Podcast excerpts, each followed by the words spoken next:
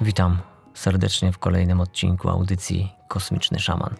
Z racji tego, że całkiem niedawno weszliśmy w rok smoka, zapraszam do tego odcinka, w którym podzielę się tekstem, który powstał w wyniku mojej eksploracji smoczego egregoru. Nie przedłużając, zapraszam do wysłuchania. Smok. Wyrzucony z pamięci poza ramy wymiarów, schowany głęboko między warstwami światów.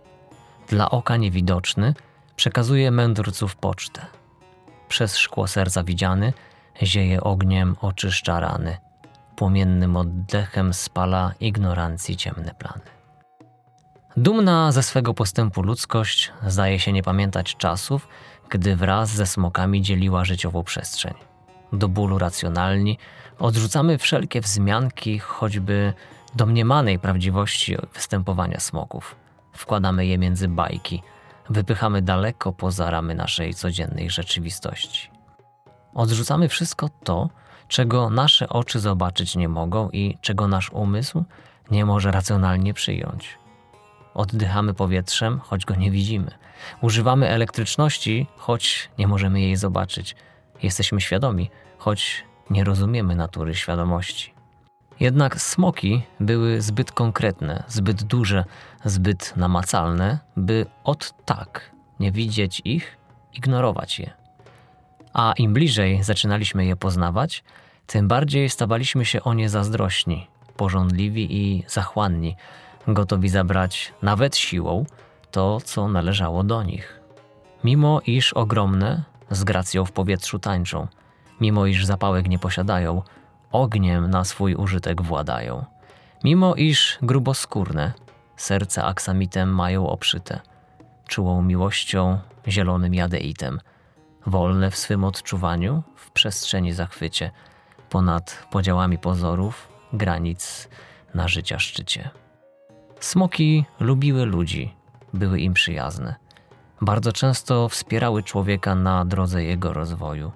Jednak ten, zbyt zachłanny, sprowadził smoki do parteru. Podciął skrzydła, oczernił, a całe zło tego świata zrzucił na smoczy karp.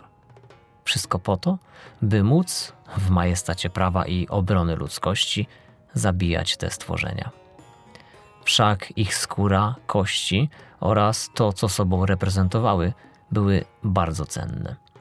Niektóre smoki stanęły do walki, inne postanowiły się wycofać, schować przed światem, tam gdzie człowieczy wzrok nie sięga. Z czasem jednak takich miejsc było coraz mniej. Dlatego część z nich postanowiła uciec, udać się w inne wymiary, a tym samym rozpuścić nad ludzkością iluzję smoczego zapomnienia. Jednak z co wrażliwszymi ludźmi, smoki wchodzą w kontakt nawet teraz, w dobie XXI wieku. Objawiają się we snach, w medytacji, w stanach, w których umysł wychodzi poza swe racjonalne ramy. Część tych smoków, które zdecydowały się zostać, by stanąć do walki, bardzo szybko z roli ofiary stała się oprawcą. Niesione wiatrem gniewu i złości, siały śmierć i pożogę. Jednak w nich ten ból, jednak w nich ten ból i poczucie niesprawiedliwości wypaliły się dość szybko. I tak, te smoki, które pozostały przy życiu, zaszyły się w niedostępnych dżunglach, a inne przyjęły formę bliskiej im iguany. By przeżyć, zredukowały swe potrzeby życiowe, swoje cechy cielesne, a także i te mentalne. Smok jest bardzo barwnym i bogatym symbolem o szerokim spektrum działania. Ze swej natury, mimo iż na pierwszy rzut oka przerażający, jest bardzo łagodny, ugodowy, bardziej chcący pomóc niż zaszkodzić.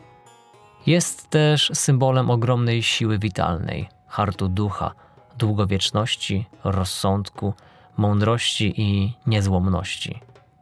Swym ogniem dobywającym się z ust może czynić tak dobro, jak i spustoszenie. Podobnie i my, ogniem słowa możemy ogrzewać, zapalać, pobudzać do działania, inspirować. Jednak tym samym słowem możemy niszczyć, palić, zasiewać zwątpienie, szerzyć nienawiść i przemoc. Dlatego tak ważne jest, by używać tej mocy z rozsądkiem, rozwagą i miłością. Smoki są symbolem umiłowania wolności i szacunku do przestrzeni, do świata, który nas otacza. Co ważne, smoki lubią się tą przestrzenią dzielić.